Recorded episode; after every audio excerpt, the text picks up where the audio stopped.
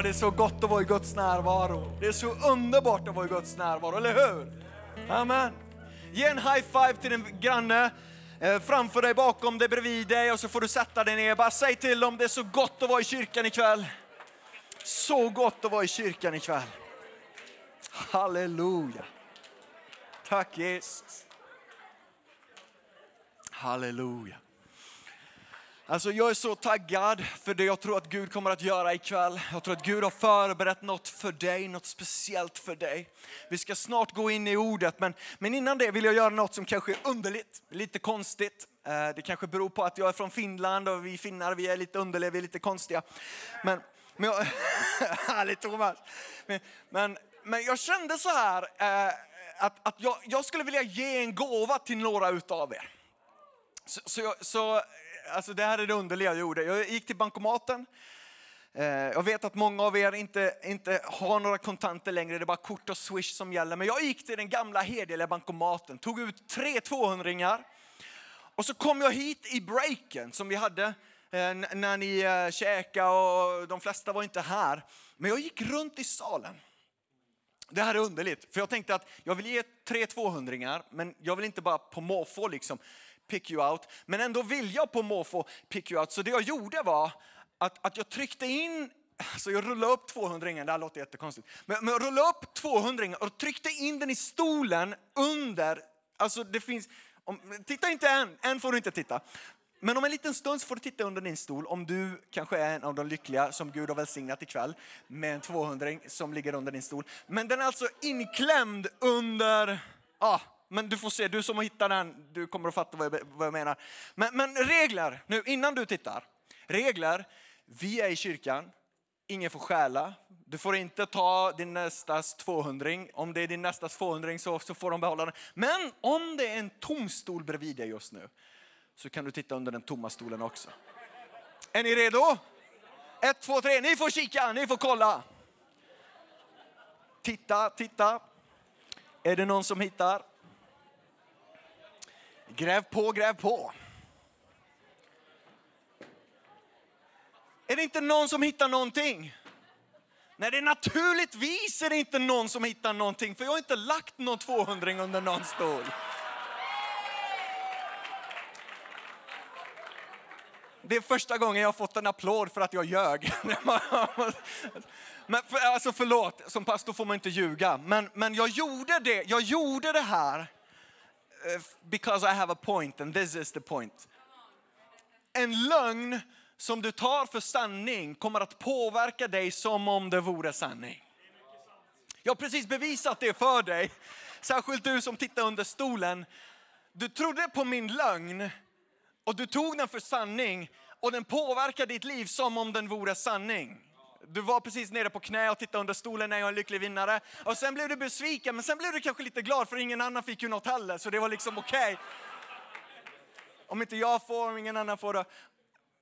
Men en lögn som du tror för sanning påverkar ditt liv som om det vore sanning. Sanningen är att den här lögnen som du precis trodde på, det är bara en liten lögn, en liten vit lögn. Och hoppas du förlåter mig. Om du fortfarande känner hat mot mig så kan vi ha det förbönstjänst efteråt och själavårda. Det kanske blir jobbigt för församlingen här. Men, men jag tror att du har trott på mycket större lögner än den du precis gick på. Jag tror att de flesta av oss har, har trott på mycket, mycket större lögner än den här. Vet du Bibeln kallar fienden för lögnens fader. Vapnen som man använder mot oss är inte först och främst attacker. Det är först och främst lögner. För om han får dig att tro en lögn och ta den för sanning så kommer den lögnen att börja påverka ditt liv. Han har massor med favoritlögner. Hans lögner kan vara, du är för ung för att kunna tjäna Jesus ah, men du har fortfarande lite problem med det där i ditt liv. Du ljuger ibland och ibland överdriver du alldeles för mycket. Nej, du är alldeles, alldeles för tjatig. Du slutar ju aldrig prata. Gud kan inte använda dig. Och ibland kan det vara så att djävulens lögn, fiendens lögn i ditt liv blir någonting som börjar kontrollera dig och hålla dig tillbaka. Men jag tror att de värsta lögnerna som många av oss har att göra med handlar om hur vi ser på Gud. För beroende på vad du har för bild av Gud så kommer du att bete dig i ditt liv i enighet med den bilden du har av Gud. Om du tror att Gud är väldigt liten som kan göra väldigt lite så kommer du att leva ditt liv så att du försöker kontrollera allt i ditt liv. Om du tror på Gud som är stor och för honom är ingenting omöjligt så kommer ditt liv att vara mycket, mycket enklare. Jag tror att vi har en hel del lögner som vi har trott när det kommer till Jesus. Eh, jag vet inte hur många av er som är på Instagram, men, men om du är på Instagram så kan du ju följa inte bara personer utan också hashtags. Visste du det? Jag följer en hashtag, hashtag Jesus. Och, och, och häromdagen så, så kom det upp i min feed på hashtag Jesus, kom det upp bilder som jag inte ens trodde var möjliga. Jag ska visa er några utav dem. Det här är den första. Eh, det här liksom, jag, jag, vet inte om jag skulle vilja känna den här Jesus. Liksom, lite sådär halv creepy. Så alltså, här, du vet, eh, du står där och sköter dig själv och så står han där bakom dig. Alltså, jag blev rädd när jag såg den här. Nästa bild, nästa bild. Jag vet inte om du har varit i New York någon gång.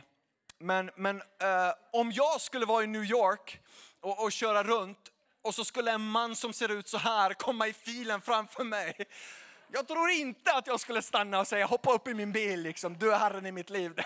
Run är det första jag skulle tänka. Liksom. Bort från mig.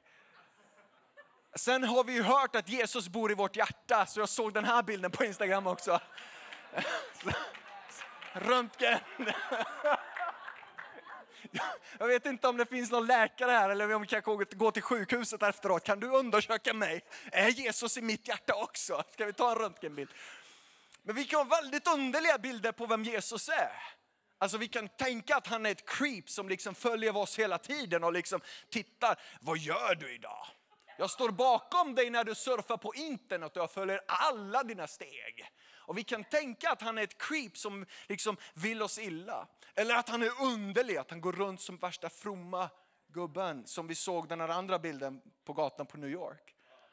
Vi kan ha en så konstig bild av Jesus ibland. Och jag tror att det här är ett område där djävulen gärna vill ljuga in i våra liv. Att vi ska få en felaktig bild av vem Jesus är. Och jag har haft felaktiga bilder av vem Jesus är.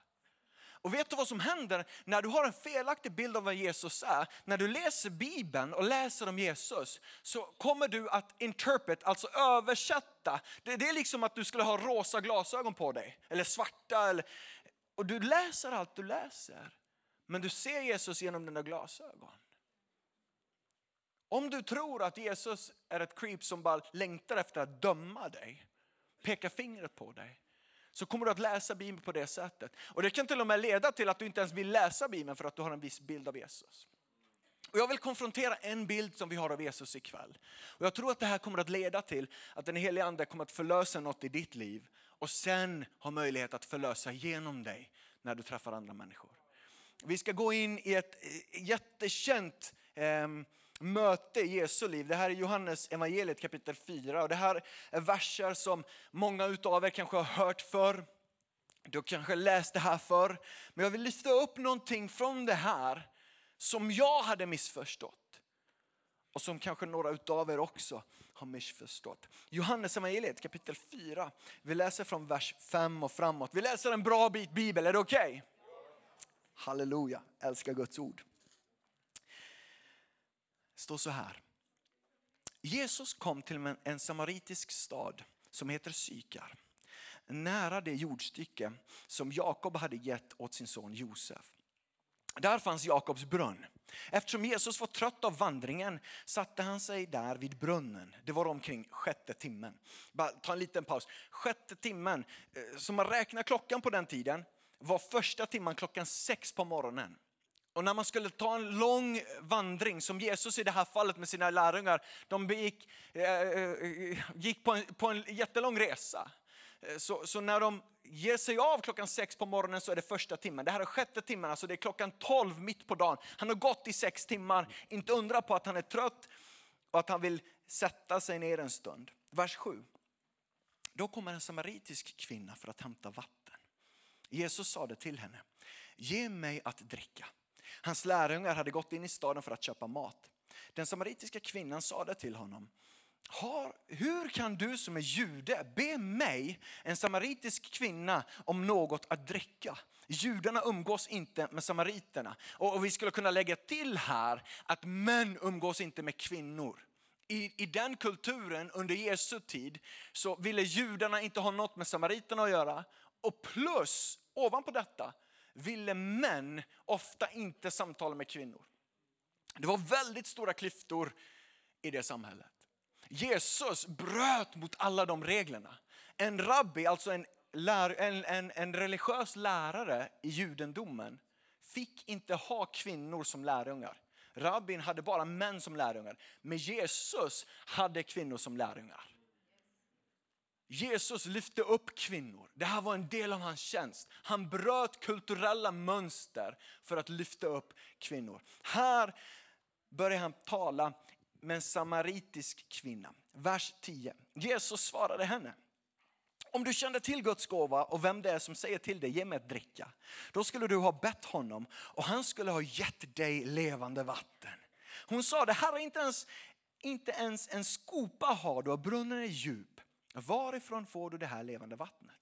Inte är du väl för mer än vår fader Jakob som gav oss brunnen och själv drack ur den, liksom hans söner och hans boskap. Jesus svarade henne, var och en som dricker av det här vattnet blir törstig igen, men den som dricker av det vatten jag ger honom skall aldrig någonsin törsta.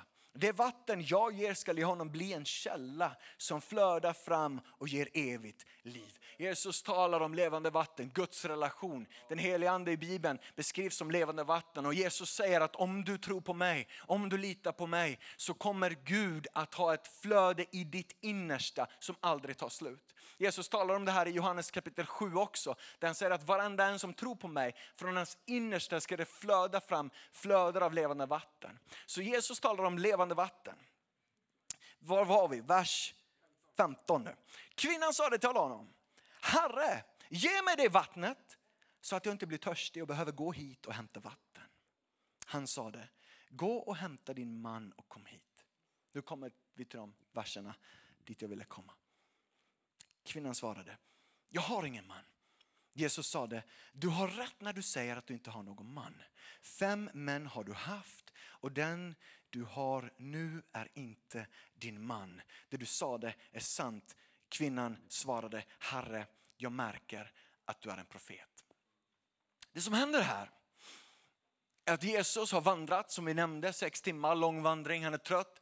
Han sätter sig ner vid brunnen, det är mitt på dagen.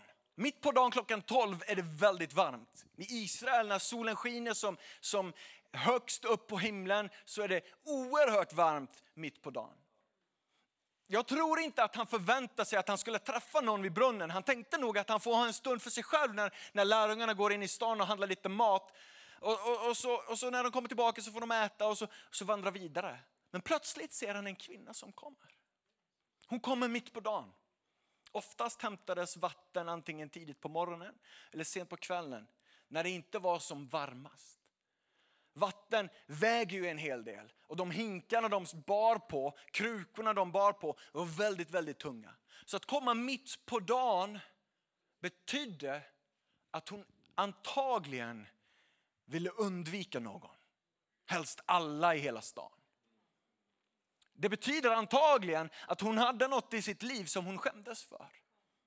Det betyder att hon hade något som hon inte ville att folk skulle se. Egentligen ville hon inte ens att de skulle se något hon hade utan hon ville inte att någon skulle se henne överhuvudtaget. Hon ville undvika alla människor. Så hon kom mitt på dagen. Och där sitter Jesus. Och Jesus börjar tala till henne.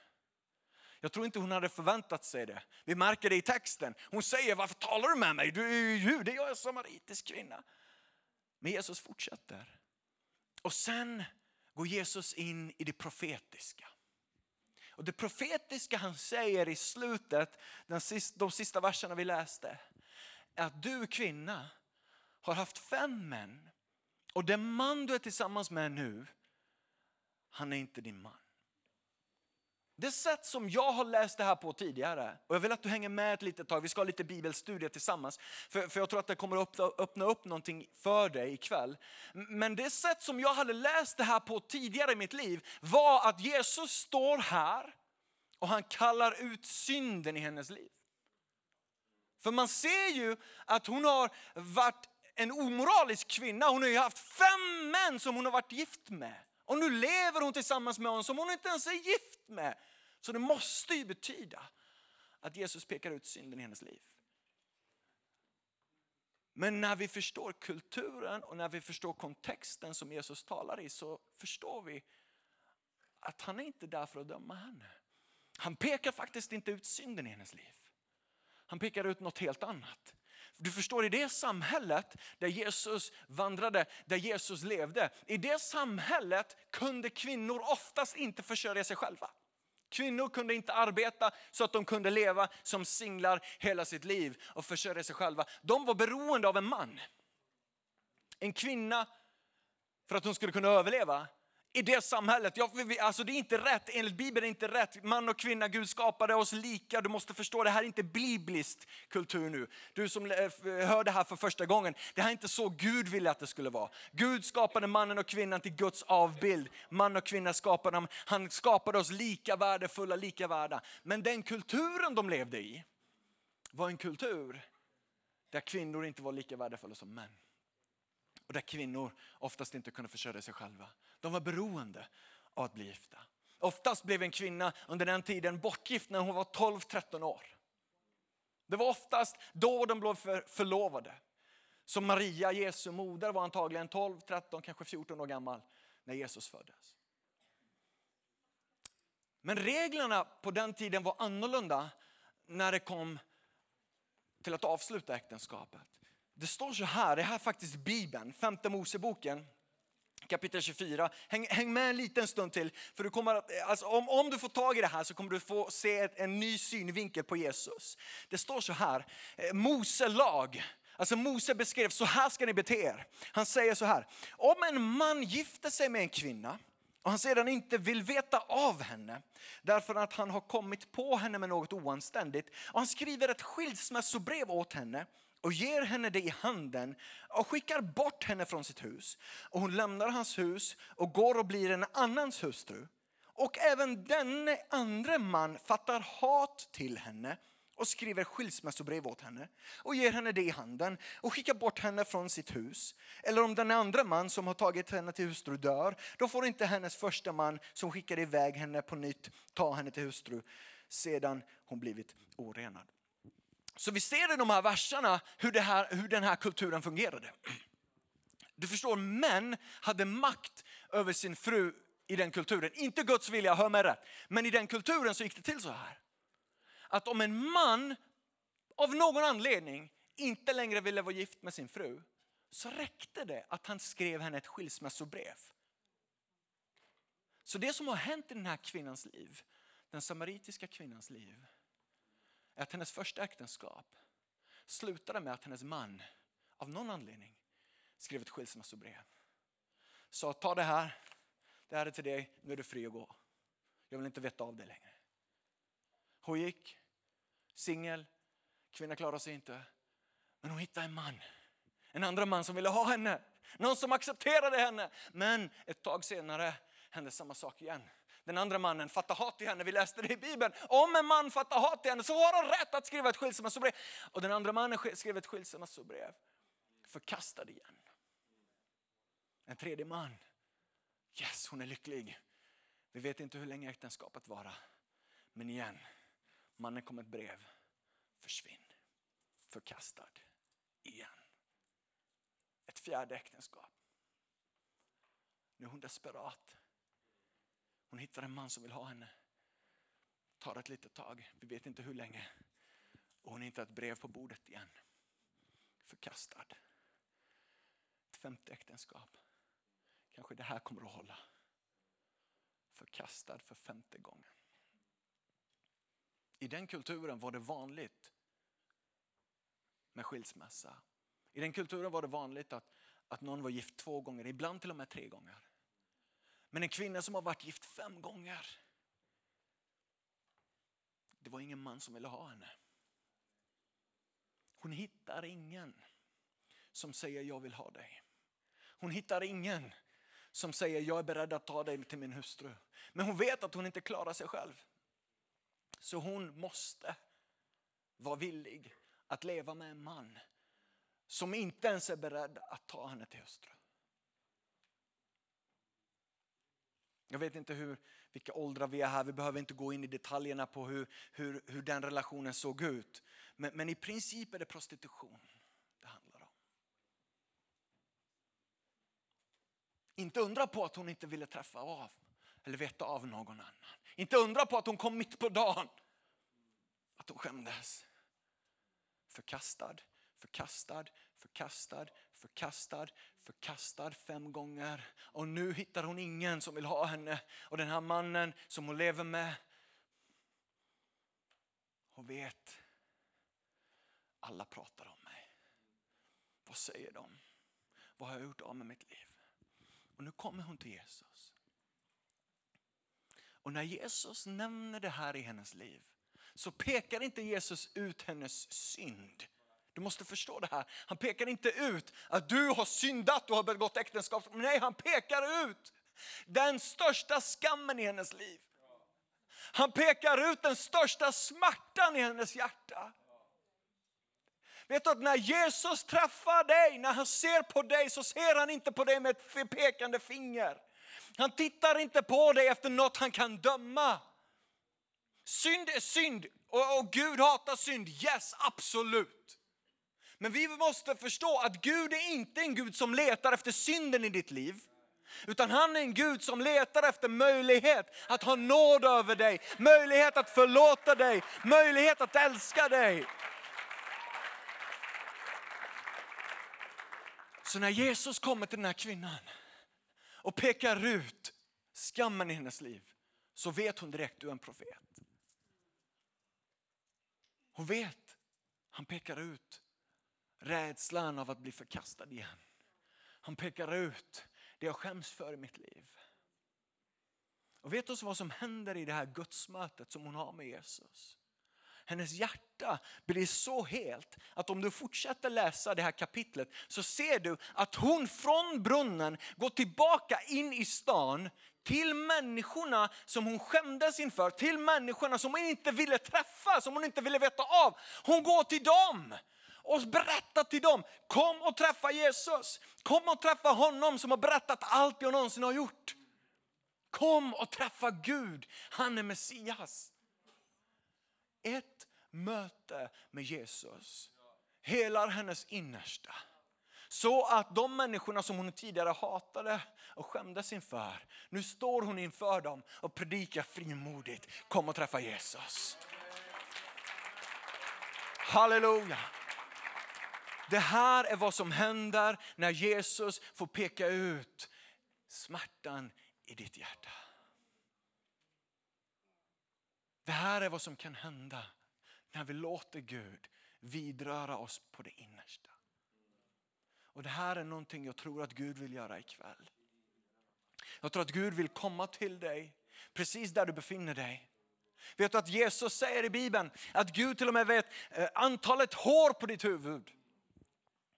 Betyder det att Gud är ett hårfreak? Att han står i himlen och bara väntar på när, när ska Johannes duscha? Jag bara väntar på att jag får räkna igen här. Han kanske tappar några hår den här gången. Det är inte det det handlar om. Hur många utav er vet hur många hår du har på ditt huvud? Ingen? Ja, jag vet, vi kan peka ut någon som är flintskallig, men vi vet ju inte om de har hår i näsan eller i öronen. Eller...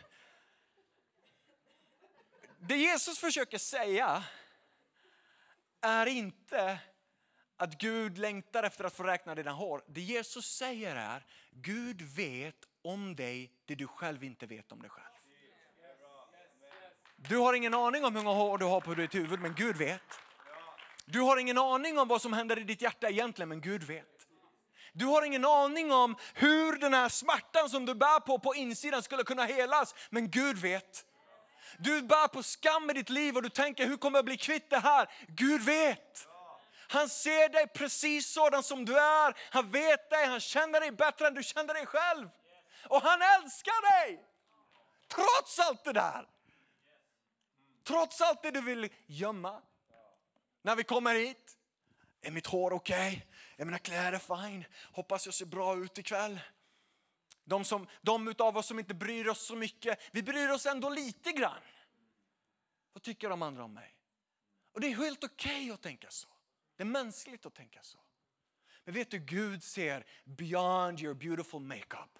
He sees beyond your core, he sees beyond your outer core, your outside. He sees to your core. Han känner dig på insidan. Han ser dig precis som, som du är. Och han pekar inte finger. Han har sen stå med öppen famn. Han vill hela din insida. Så att din story kan bli som den här kvinnans story. Så att du kan gå härifrån förvandlad, helad, förvandlad på insidan. Så att du inte behöver skämmas längre. Så att du inte behöver gömma någonting i dig längre. Så att du kan stå inför dem som, som du tidigare var rädd för att stå inför. Nu kan du stå med glädje. Vet du, jag tror att Jesus vill göra ett djupt verk i dig. Så att han kan göra något stort genom dig. Han vill göra ett djupt verk i dig. Så att han kan göra något stort genom dig. Det, det första altarkallet vi ska ha om en liten stund handlar om det här djupa verket Gud vill göra i dig. Jag tror att Gud vill kalla många utav oss. Många utav oss till det ställe där vi vågar öppna våra hjärtan och säga heligande, vidrör mig på djupet. Jesus, låt korset ha ett djupt verk i mig. Och det andra jag tror att Gud vill göra ikväll, det är att han vill förvandla det sätt som vi träffar andra på. För så som du ser Jesus, vi som kristna vill ju följa Jesu exempel. Och om du har tänkt att Jesus är en sån som pekar finger, ibland i alla fall, så kan vi också bli sådana som pekar finger. Ja, den andra församlingen, de, alltså, de är, jag vet inte. Eh, de andra där borta, eller vad gör hon egentligen? Och, och vi tänker att vi har rätt att peka finger. Medan Jesus i själva verket ger oss ett exempel på hur vi kan bemöta med kärlek. Och jag tror att Gud vill göra ett djupt verk i dig så att han kan göra något stort genom dig. Och det stora han gör genom dig kan kännas väldigt litet. Det stora Gud vill göra genom dig är kanske inte en stor konferens eller, eller jag ska bli nästa liksom Justin Bieber. Eller, det stora Gud vill göra genom dig handlar om möten som du har med individer. Det handlar om möten som du har på äkta, när du ser in i hjärtat och låter Guds kärlek flöda genom dig till någon du möter. Det stora Gud vill göra handlar alltid om något litet. Det som Jesus gjorde här, han träffade en kvinna som ingen annan ville träffa. Det var fantastiskt stort. Och det här är vad Jesus vill göra i våra liv. Oh, han vill möta dig på djupet, han vill göra ett djupt verk i dig. Så att nästa gång du vandrar förbi den där kvinnan så vandrar du inte förbi med samma känsla som tidigare. Nu vandrar, vandrar, vandrar du förbi, eller kanske till och med stannar till med hjärtat fullt av kärlek. Det djupa verket Gud vill göra, det stora han vill göra genom dig, handlar ofta om något väldigt litet. Jag skulle kunna berätta massor med berättelser men jag berättar bara en jättekort. Är det okej? Okay? Tack Thomas och Maria. Halleluja. Jättekort. Vi var, vi var och handlade grocery store, eh, alltså eh, bara typ Ica Maxi. Eh, jag och Nea, våra döttrar. Vi hade det fullt upp. Det var ett par framför oss. Och jag märkte att, att eh, liksom allt står inte rätt till. Eh, man såg direkt på, utsi, eh, på, på utsidan att, att, att, att båda de var knarkare, tog, tog tunga droger. Mannen var tatuerad upp i, i nacken och ansiktet. Och båda ser nervösa ut. Och plötsligt vänder sig Nea om mot mig och säger, jag känner att vi måste betala deras eh, liksom saker de ska köpa, their groceries. Jag tänker, varför ska vi göra det? Alltså, det är väl helt okej, okay. men sen ber jag. Och jag kände direkt att Gud på mitt insida säger, yes, betala. Och jag går fram till mannen och säger, är det okej okay om vi betalar? Han säger, vad är det som händer? Och jag förklarar när jag är kristen och, och, och vi, här, jag vet att det här låter konstigt men, men vi bara kände liksom att, att vi skulle gärna vilja betala eh, eh er mat idag. Va? Han, han blir helt, helt tafatt, helt av sig. Han börjar gråta. Han springer ut ur butiken. Hans flickvän blir kvar. Hon börjar svettas. och säger, jag vet att det här är jättekonstigt men, men är det okej okay om vi betalar? Hon säger, ja men det kan ni väl få göra. Vi betalar, de packar sina saker, vi handlar snabbt det vi ska handla. Jag försöker springa ut på parkeringsplatsen för att hitta dem men de har redan hunnit åka. Glömmer det helt. Tar några månader, två, tre, kanske fyra månader. Vi är ute och handlar igen och vi ser ett par komma emot oss. Och redan när de är långt borta börjar de ropa, det är ju ni, det är ju ni. Och jag tänker, vem är det här? Och när de kommer närmare så ser jag tatueringarna i halsen på mannen, men de är ju helt förvandlade. De ser inte alls ut som narkomaner längre. Vad är det som har hänt? Och de kommer fram till oss och de berättar att när vi betalar deras räkning så var de in the lowest of the low. De var i den värsta tiden i deras liv. Och ekonomiskt sett så kunde de inte ha klarat sig och de visste att de måste ta vissa beslut för att kunna bli kvitt det livet de var mitt i. Och nu genom att vi betalar den räkningen på kassan så har de kunnat ta nya beslut. Och nu går de i kyrkan och de har bett. De sa så här, vi har bett till Gud att vi ska kunna få träffa er och säga tack. Wow!